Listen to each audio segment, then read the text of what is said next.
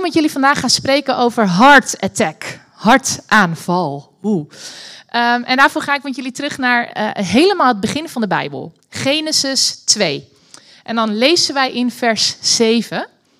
En de Heere God vormde Adam, de mens, uit het stof van de aarde en blies de levensadem in zijn beide neusgaten.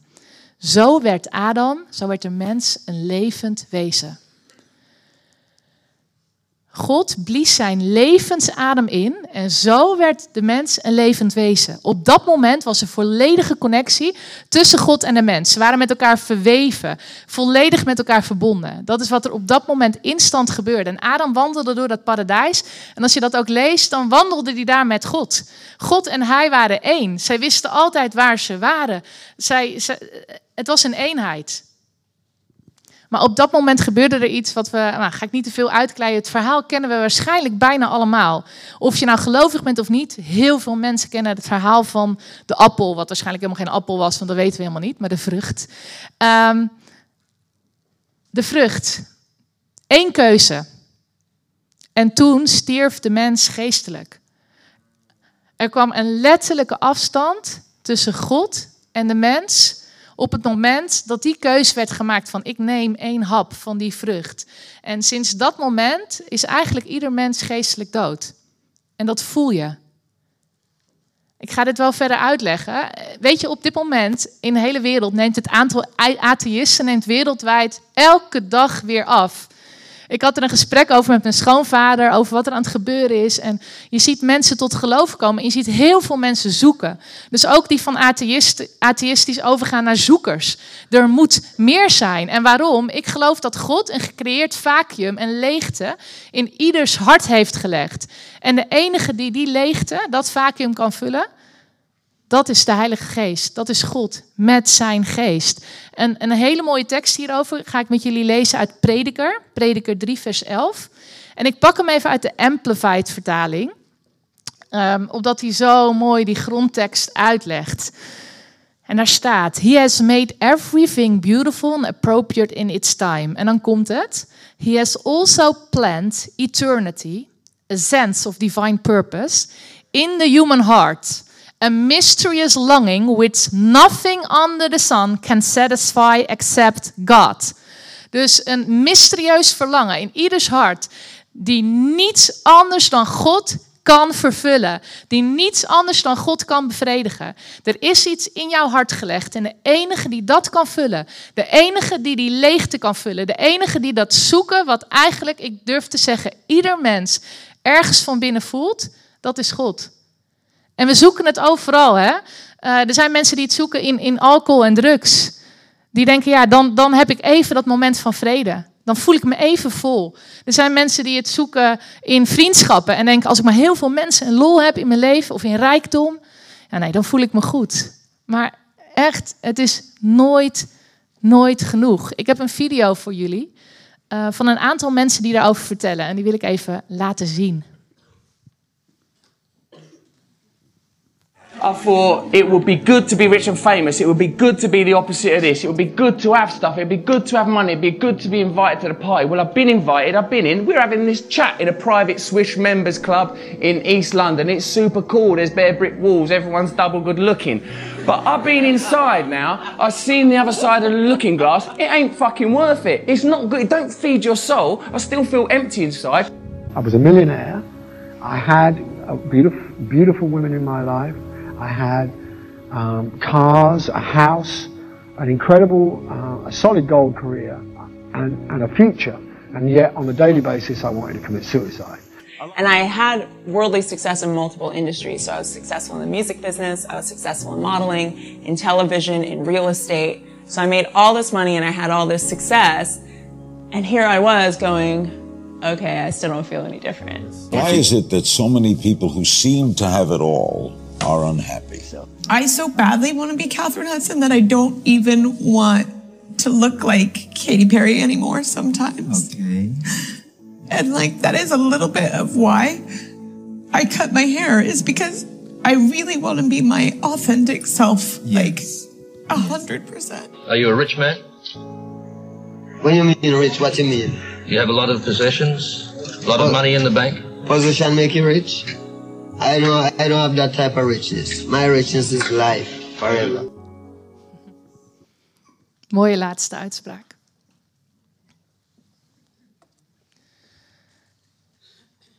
Wat een uitspraken die I, it don't feel it, it, don't feed my soul zei hij op een gegeven moment. I still feel empty inside. Hij vertelde dat hij alles had, in de mooiste club zat, het beste leven had en nog steeds voelt hij zich alleen van binnen. Die vrouw die zei I had all this success. I had everything and I still don't feel any different. Why do so many people who seem to have it all are still unhappy?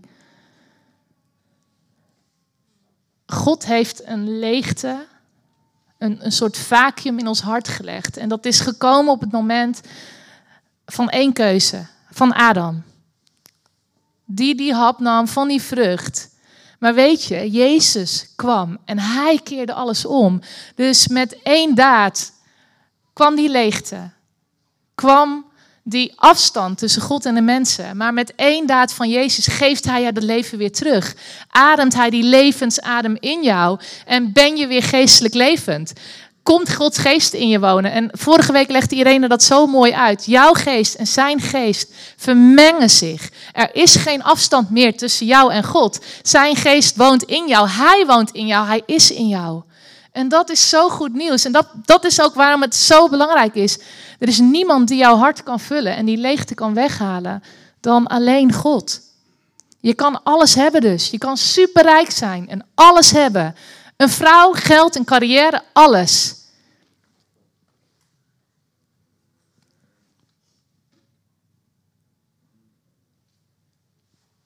Ja, we hadden het al over de emotionele week. Nou, daar zitten we in, hè?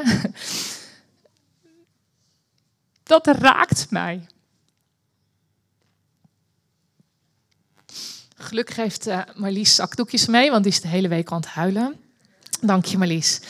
Weet je, het raakt mij. En waarom? Ik zie zoveel mensen zoeken. Terwijl wij inmiddels in een wereld leven. Zo.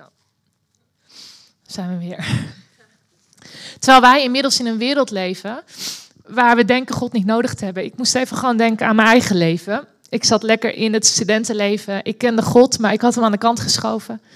Ik dacht, joh, ik ben gelukkig.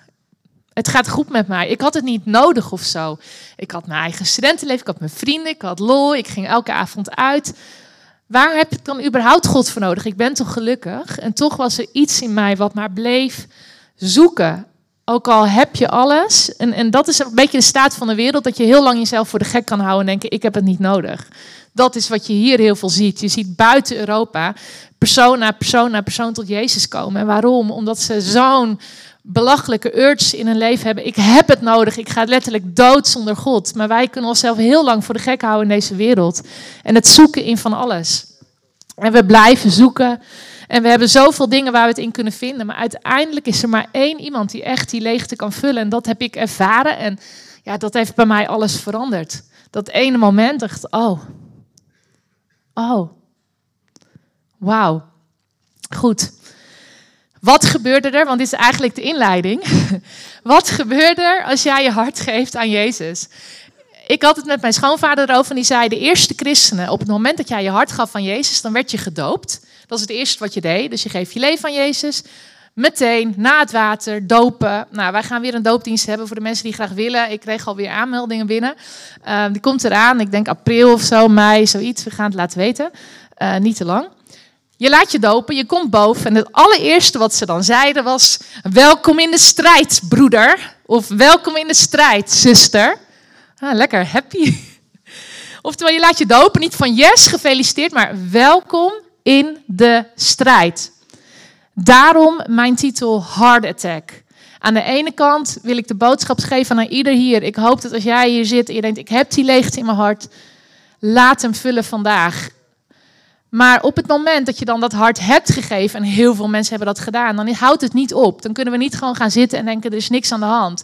Want er is een hartaanval bezig op jouw leven. Hartaanval, Dictionary zegt, de bloedtoevoer naar een deel van de hartspier wordt onderbroken. Hierdoor sterft een deel van het hart af. En dit kan leiden tot ritmestoornissen en zelfs tot hartfalen, waarbij er helemaal geen bloed meer door het lichaam wordt rondgepompt. Oké, dat is een hartaanval op je vleeselijke hart. Dat orgaan dat hier klopt en eigenlijk de bron van leven is. Maar we weten inmiddels dat het hart veel meer is. En een hartaanval is een super lange, brute aanval op je hart door degene die weet wat er gebeurt. Als jij je hart aan Jezus geeft. Die weet wat er gebeurt, wat hij verliest. Hij wil jou geestelijk doodhouden. Hij wil niet dat jij je hart aan God geeft en blijft op jouw hart aanvallen. Klinkt heel geestelijk, het is ook heel geestelijk. En daar wil ik dus vandaag wat meer met jullie induiken. Um, hoe doet hij dat dan? Want eigenlijk is het bijna jouw bloedtoevoer, je levensstroom van God, die die een stukje probeert af te knijpen, weg te krijgen, wat uiteindelijk kan leiden tot die geestelijke dood. En dat doet hij op verschillende manieren. Door je te verzoeken, door je te verleiden tot zonde. En zonde brengt afstand. Door dingen in je hart te leggen, je tegen te werken, je te intimideren, door je bang te maken, door je te misleiden. Er zijn heel veel manieren waarop hij kan strijden om jouw hart. Hij zegt je dingen, bijvoorbeeld. God, die is niet te vertrouwen. Jij bent alleen in het leven. Of wat je nu heel veel hoort, jij bent God. Jij creëert je eigen eh, werkelijkheid. Echt dingetjes uit, uh, dat vind ik dan wel interessant. Wij leren dat je Gods waarheid kan proclameren, maar dat is, kan uitspreken en dat dat kan tot stand komen in je leven. Maar dat komt wel omdat het de waarheid van God is en niet mijn eigen werkelijkheid. En wat doen ze in de wereld? Ik werd gevraagd een cursus manifesteren te geven. Je manifesteert je eigen leven. Ik wil rijk worden, ik wil succes worden, dit en dit en dit wil ik allemaal. Ik ben God op mijn eigen troon. Ik spreek dat uit en het komt tot werkelijkheid. En ik denk dat het tot een bepaalde mate ook nog best kan werken. Maar vult dat de leegte in je hart? Nee. Er is maar één iemand die die leegte in je hart kan vullen. Dus je kan manifesteren tot je een ons weegt, maar ik ben niet God. Ik ben niet degene die dat uiteindelijk creëert. God kan dat alleen, maar Satan die wil mij dat influisteren. Jij bent God, je hebt hem niet nodig. Miekje kan het best alleen. Dat heb ik heel lang gedacht. Waar die ook heel goed is, is jou isoleren van andere christenen. Heel handig. Hoe minder jij in de kerk bent, hoe beter, weet hij. De kerk is gewoon een puinbak, moet je niet heen gaan. Al die mensen die allemaal zonde doen. En dat klopt, hè? de kerk wordt geleid door mensen. Dus het kan best wel eens een puinbak zijn. Ik heb een hoop puinbak meegemaakt. Daar moet je niet heen gaan. Jij hebt andere christenen helemaal niet nodig. Je kan het wel alleen. Nou, ik kan je zeggen, nee. God heeft ons aan elkaar gegeven. We kunnen het niet alleen. En het is echt een hele grote leugen om te gaan geloven dat jij het alleen kan. Super handig hoor, om dat te zeggen van Satan. Want ja, alleen ben je een stuk kwetsbaarder dan met z'n allen. kom ik straks op terug. Eén ding wat hij ook heel veel zegt is: grenzen zijn niet goed voor je. We leven op dit moment in een grensloze wereld. Tieners die hier zitten, uh, af en toe super irritant. Die ouders die allemaal grenzen opleggen. En dat klopt, dat is ook vervelend. Dat doen ze wel omdat ze van je houden. Mm. Echt puur uit liefde voor jou krijg je grenzen opgelegd. En wij ouders zijn dan ook nog menselijk. Dus we doen het misschien niet altijd goed. En soms leggen we als ouders iets te veel grenzen op. Dat zou best wel kunnen. Sommige ouders zijn heel beschermend. En soms te weinig. Maar we leggen grenzen op. We stellen grenzen omdat we jullie leven belangrijk vinden. We van jullie houden. God geeft ons ook grenzen. Maar vaak denken we: nee, nee, nee, nee, nee. Wij weten het beter dan God. Uh, al die grenzen uit de Bijbel, ja. Ja, nee, dat was voor toen. Maar nee, uh, ik weet inmiddels, ja, nee, God begrijpt mij gewoon niet helemaal. Ik weet dat ik op een gegeven moment Ehm, ik spreek natuurlijk veel over seks. Mijn eerste vriendje, toen ik niet zo met God aan het wandelen was, had ik op een gegeven moment seks mee. En dat had ik zo geredeneerd. Ik had dan geleerd, dat mag niet, staat in de Bijbel. Ja, nee, zei ik. Ja, maar, ja, maar God begrijpt het niet helemaal. Want wij blijven altijd bij elkaar. En we houden toch van elkaar? Nee, dit bedoelt hij voor mensen die gewoon maar in het rond seks hebben. Dit bedoelt hij niet voor mij. Ja, was super slim eigenlijk van Satan om mij dit soort dingen in te fluisteren. Want wat het letterlijk deed, het bracht afstand tussen mij en God.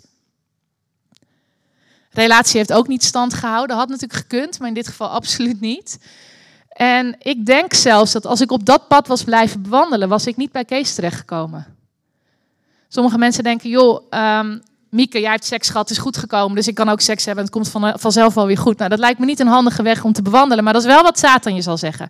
Mieke deed het, jij mag het ook. Dat is een hele leuke. ik wel... Maar het is niet hoe dat werkt. Want als ik dat had gedaan en ik was op die weg blijven wandelen, ik ging mijn studentenleven in en ik zoende erop los. Als op dat moment Kees voor mijn neus had gestaan, dan had ik hem daarna weer in de kant geschoven, was ik naar de volgende gegaan. Ik had hem niet gezien. Ik had echt een reset nodig en een verandering van denken. En leren dat grenzen goed voor me zijn. Ik bedoel, het klinkt een beetje als de zondeval. Hè? Adam en Eva wisten het ook beter dan God. Ah, die ene vrucht, nou nee, dat heeft hij niet zo goed gesnapt. Wij gaan dat gewoon wel nemen. Er zijn heel veel manieren waarop Satan ons aanvalt in ons denken. Hij zegt bijvoorbeeld, joh, je bent niet gered. Of deze hoor je veel, jij bidt niet genoeg. Nee, jij bidt niet genoeg. Of jij bent geen echt kind van God. Want anders zou, ja, eh, ik zou me echt niet zo voelen als ik een kind van God. Nee, als jij je nu zo voelt, dan ben je geen echt kind van God. Dat klopt niet. Of ja, hij heeft je wel vergeven, maar niet dat ene. Hij kan heel veel vergeven, maar één ding is zo erg. Nee, nee, nee, dat kan niet. Of als je vergeeft, vergeten zal hij het nooit. Hij gaat jou daaraan herinneren. Of er overkomen jou zoveel moeilijke dingen. Ja, dat moet wel een straf van God zijn. Leugens. Maar ik hoor ze zoveel. Of je moet niet denken dat God jou lief heeft. Je bent helemaal niet zo trouw in bidden en Bijbel lezen. Ja, nee, God houdt echt niet van jou. Dat moet je wel verdienen. Of wat dacht je van zelfhaat? Ik vraag me als af hoe erg God dat zou vinden. En ik zie het zoveel. Jezelf niet mooi vinden. Ik ben niet mooi genoeg. Kijk mijn huid, kijk mijn lichaam. Iets waar heel veel meiden mee strukkelen. Ik vind mezelf niet mooi. Maar dat suggereert eigenlijk dat God jou dus niet goed gemaakt heeft. En hij heeft jou perfect en helemaal goed gemaakt. Eentje waar we ook heel goed zijn, is ons altijd zorgen maken over dingen. En ik geloof ook echt dat dat een manier is om ons af te leiden. Elke moment dat jij je zorgen maakt, is regelrechte tijdverspilling. Je hebt er helemaal niets aan. Het voegt geen dag, geen moment, geen minuut, geen seconde aan je leven toe. Het geeft je helemaal niets dan zorgen. Ik bedoel, ik ben hier echt mee opgevoed. Mieke, maak je geen zorgen. En mijn moeder wist waar ze het over had. Ze had een hersentumor, elk half jaar een nieuwe scan. Nou, dan kun je je elk half jaar opnieuw gaan zorgen maken. En ik zie echt vriendinnen van mij die daar doorheen gaan. Zij zei: Nee, doe ik niet. We boeken vast een restaurant om het te vieren. Ik maak me geen zorgen. Want daar heb ik helemaal niets aan. Komt het terug, dan is het terug en dan zien we het dan wel weer. Maar zorgen maken, nee, dat doen we niet. Super blij dat ze me dat heeft geleerd. Dan gaan we nu naar een ding, oké, al die leugens, wat doe je daar dus mee? Dus hé, hey, mijn hart is gevuld, die leegte is weg. Er is een heart attack om mijn hart gaande. Hoe wapen ik mij daartegen? En gelukkig zegt de Bijbel heel goed hoe je dat kan doen. En ik wil jullie het voorbeeld geven van Paulus. Paulus zat op dat moment gevangen geketend aan een soldaat in zijn wapenuitrusting. Hij kon goed zien hoe dat eruit ziet. En dit is wat Paulus zei. Doe de hele wapenuitrusting van God aan. Efeze 6, vers 11. En dan kan de duivel jullie met zijn sluwe streken geen kwaad doen. Want we strijden niet tegen mensen, maar tegen de onzichtbare leiders, machten en heersers van deze donkere wereld. Tegen de duivelse geesten in de geestelijke wereld. Doe daarom de hele wapenuitrusting van God aan. Dan kun jij je verdedigen als het kwaadje aanvalt. En dan kun je ook blijven staan. Als jij met alles, als jij alles hebt gedaan wat je moest doen. Ga dus staan. Dat is actief hè? Staan. Bind om je heupen de waarheid als een riem. Trek rechtvaardigheid aan als een panzer. Wees bereid het goede nieuws van vrede met God aan de mensen te brengen. Dat zijn jouw schoenen, zegt hij er ook nog even bij. Mm Houd je vast aan je geloof. En er staat, houd vooral vast aan je geloof. Onthoud dat. Vooral dit. Al die dingen zijn goed, maar houd vooral vast aan je geloof. Jouw geloof is je schild. Houd dat schild omhoog, zodat alle brandende pijlen kan uitdoven die de duivel op jou afschiet. Zet daarbij de helm van je redding op je hoofd en neem het zwaard van de geest in je hand. Het woord van God is dat. Bid bovendien met alle soorten van bidden en smeken bij alles wat zich voordoet. Laat je daarbij leiden door de Heilige Geest en let erop dat je dat doet. Bid zonder ophouden voor alle gelovigen. Ik zou je willen uitdagen, ga hier dus op mediteren. Lees dit, dit stuk eens gewoon dagelijks. Ga eens kijken wat hier staat, want er staan zoveel geheimen in. Dit is een van de allereerste dingen die ik leerde toen ik tot geloof kwam. Ik zat in God's Embassy, Utrecht. Mijn voorganger was Martin de Jong. En het eerste wat hij mij leerde, en daar ben ik hem nog steeds dankbaar voor, was Het besef dat er een strijd gaande is, maar vooral hoe ik me daartegen kon wapenen. En hij heeft me toen een gebed laten uitschrijven. Hij zei: Ga maar zelf nadenken, wat kun je doen om je er tegen te wapenen? En dat heb ik gedaan. En dat gebed heb ik, nou, nu al twintig jaar lang, bid ik hem bijna elke dag. Kan hem natuurlijk zo uit mijn hoofd opzeggen. En hij begon met dat hij zei: Zeg maar wie je bent. Ik, Mieke van Velsen. Vanuit welke autoriteit spreek je? Om me te herinneren aan dat ik niet spreek vanuit mijn eigen dingen en mijn eigen goddess ben, maar hey, ik spreek vanuit de autoriteit van Jezus Christus. En wie ben ik dan in Jezus? Ik spreek vanuit de autoriteit van Jezus Christus, die mij heeft vrijgezet van al mijn zonden. Ik ben vrij van zonde en hij heeft mij bezegeld met de belofte van de Heilige Geest. Dat betekent dat ik van God ben, dat ik zijn kind ben, dat ik zijn dochter ben, dat ik hem toebehoor.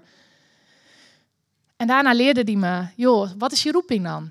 Ik begon uit te spreken. Ik ben geroepen, en, en, en dat, ik, dat ik ben geroepen om Gods standaard op het gebied van seksualiteit te brengen in dit land en overal waar ik kom. Ik ben geroepen om harten van ouders en tieners aan elkaar te verbinden. En ik ben geroepen om tieners bij God te brengen. Ik ben geroepen om in het onderwijssysteem verandering te brengen. En zo, dit is waar ik voor geroepen ben. En ik weet dat ik niet strijd tegen vlees en bloed, maar tegen geestelijke machten, overheid, duisternis uit de hel. En daarom trek ik de hele wapenuitrusting aan van God. Doe ik ook niet uit, hè? En dan begon ik dat uit te, uit te spreken. er staat ten eerste dat je gaat staan. Dat is actief. Je, blijft, je kan er niet bij gaan liggen. Het gaat niet vanzelf. Je moet er wat voor doen. Je trekt de helm van de verlossing of redding aan. Waar staat dat voor? Gewoon weten, ik ben gered. Ik ben een kind van de Allerhoogste God. Ik ben gered. En wat er ook gebeurt, mijn eindstation is de hemel. En dan kan eigenlijk alles je gebeuren, maar het is oké. Dat is de basis.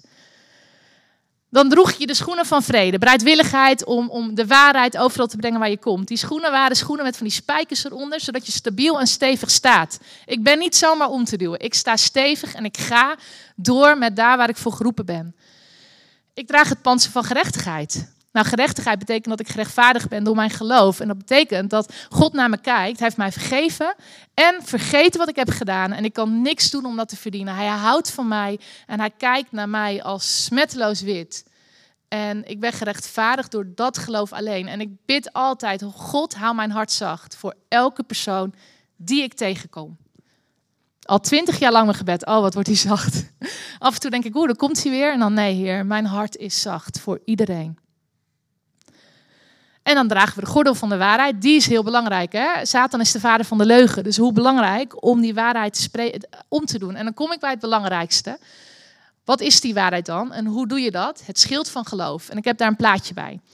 En dat schild van geloof, dat was een, een schild uh, helemaal ingesmeerd met, met, met allemaal dingen die de brandende pijlen die werden afgevuurd doofden.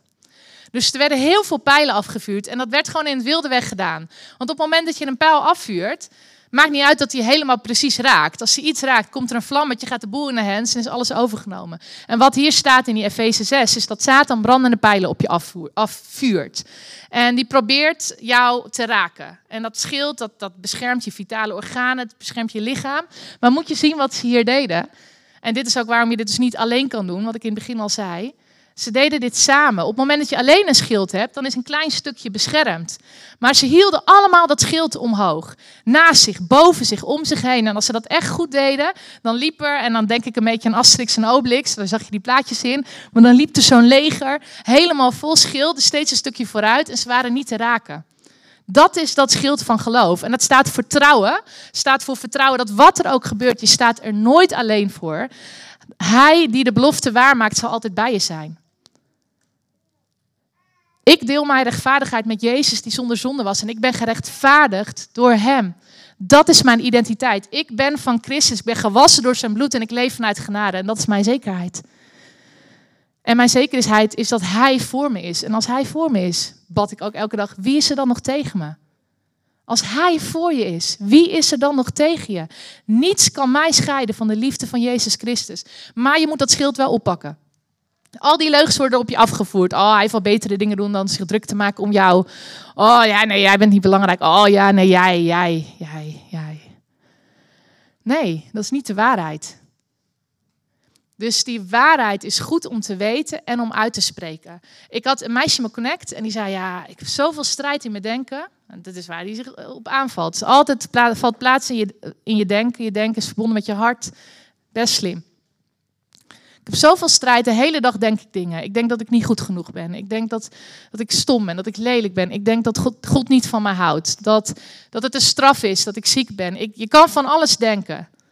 Allemaal onzin. Maar hoe wapen je je daar dan tegen? Het begint bij het herkennen dat dit niet de waarheid is. Hoe doe je dat? Wel zorgen dat je de waarheid weet. Geloof komt door het horen, het horen van het woord van God. Iets wat ik ook heel vroeg heb geleerd. Op het moment dat je geloof wil bouwen, dus de waarheid wil bouwen in je hart, moet je het wel horen en moet je die waarheid horen. Wat heb ik geleerd? Om hardop dingen uit te spreken. Ik ben een dochter van de Allerhoogste God. Ik ben bezegeld met de belofte van de Heilige Geest. Ik ben geroepen hier en hiervoor. Maar ik sprak het hardop uit. Want iets wat je hardop uitspreekt, zo heeft God ons gemaakt, komt binnen via je oren. Landt daardoor op een andere manier in je brein en blijft daar zitten. Dit betekent ook dat als er allerlei leugens in je denken zijn, dat die daar niet voor altijd blijven. Die kun je vervangen door de waarheid. Niet je eigen waarheid, maar de waarheid van God. Als je die gaat uitspreken, dat is zo krachtig. Dat meisje zegt, ja, dan moet ik wel 200 keer per dag de waarheid hardop zeggen. zeg, ja, klopt. Nou, een week later kwam ze terug en zei, Miek, het is helemaal niet meer zo vaak. In het begin was het echt wel een paar honderd keer per dag. Ik was de hele dag het was een weerwar in haar, in, in haar hoofd. Drie weken later was zij er bijna helemaal van af. En toe kwam er een gedachte omhoog en hap, ging ze naar het toilet of deed even in haar hoofd. Als je het niet hardop kan zeggen, ook goed hè. Dit is de waarheid. Vaak is het 180 graden tegenovergestelde van wat jij denkt. Dus ook makkelijk te ontdekken. Um, ik moet gaan afronden, zie ik, qua tijd. Dus um, onthoud even dat schild van geloof. Dat is, jouw, dat is jouw wapen. Dat is jouw beschermingsmechanisme. En dat doe je samen om al die brandende pijlen die op je afgevoerd worden af te ketsen. En als laatste, dat zwaard van de geest, dat is dus het woord. Dat is die waarheid. Waarmee je omgort, maar wat ook jouw wapen is die je in je handen hebt. Het woord van God. Terug bij waar we geëindigd waren, uh, waar ik begonnen was. Die tekst. He has planted eternity, a sense of divine purpose in a human heart. A mysterious longing which nothing under the sun can satisfy except God. Hij heeft een leegte in je geplaatst. En er is maar één iemand die die leegte kan vullen. Je kan de rest van je leven op zoek blijven. En elke keer weer tot de conclusie komen. Ik ben er niet. Er is echt één iemand die die leegte kan vullen, want die heeft hem in jou gelegd. Romeinen 5, vers 18. Door één ongehoorzame daad werden alle mensen schuldig en verdienden ze de dood. Nou, dat geloven we vaak wel, dat is door Adam. maar door één gehoorzame daad zijn alle mensen vrijgesproken van schuld, zodat ze kunnen leven. Dat vinden we vaak wel weer lastig te geloven. Dat eerste is Adam. Dus door één, door de gehoorzaamheid van één mens, Adam, zijn alle mensen schuldig geworden. Maar door de gehoorzaamheid van één mens, Jezus, zijn alle mensen vrijgesproken van schuld. En wat gebeurt er dan? Dan heeft hij je getrokken uit de macht van de duisternis en dan zet hij je over in het koninkrijk van, zijn, van, van God, van zijn liefde. Je bent niet meer onder Satans macht. Dat staat ook in de Bijbel. Hij heeft ons getrokken uit de macht van duisternis. Hij heeft ons overgezet in het koninkrijk van de zoon van liefde. Ik wil het plaatje achter mij uh, van een schilderij van William Holman Hunt. Hij uh, tekende en hij is een beetje donker, maar het is een prachtig schilderij. Je zou hem eens een keer in detail moeten bekijken. Ik heb hem gisteren zo lopen inzoomen. Jezus staat hier, die is geschilderd. En je ziet hem hier staan voor een deur die helemaal overwoekerd is. Met, met distels en planten. Die deur is echt al heel lang niet geopend. Onmogelijk. En er zit ook geen, geen hendel op die deur aan de buitenkant. Die zit alleen aan de binnenkant.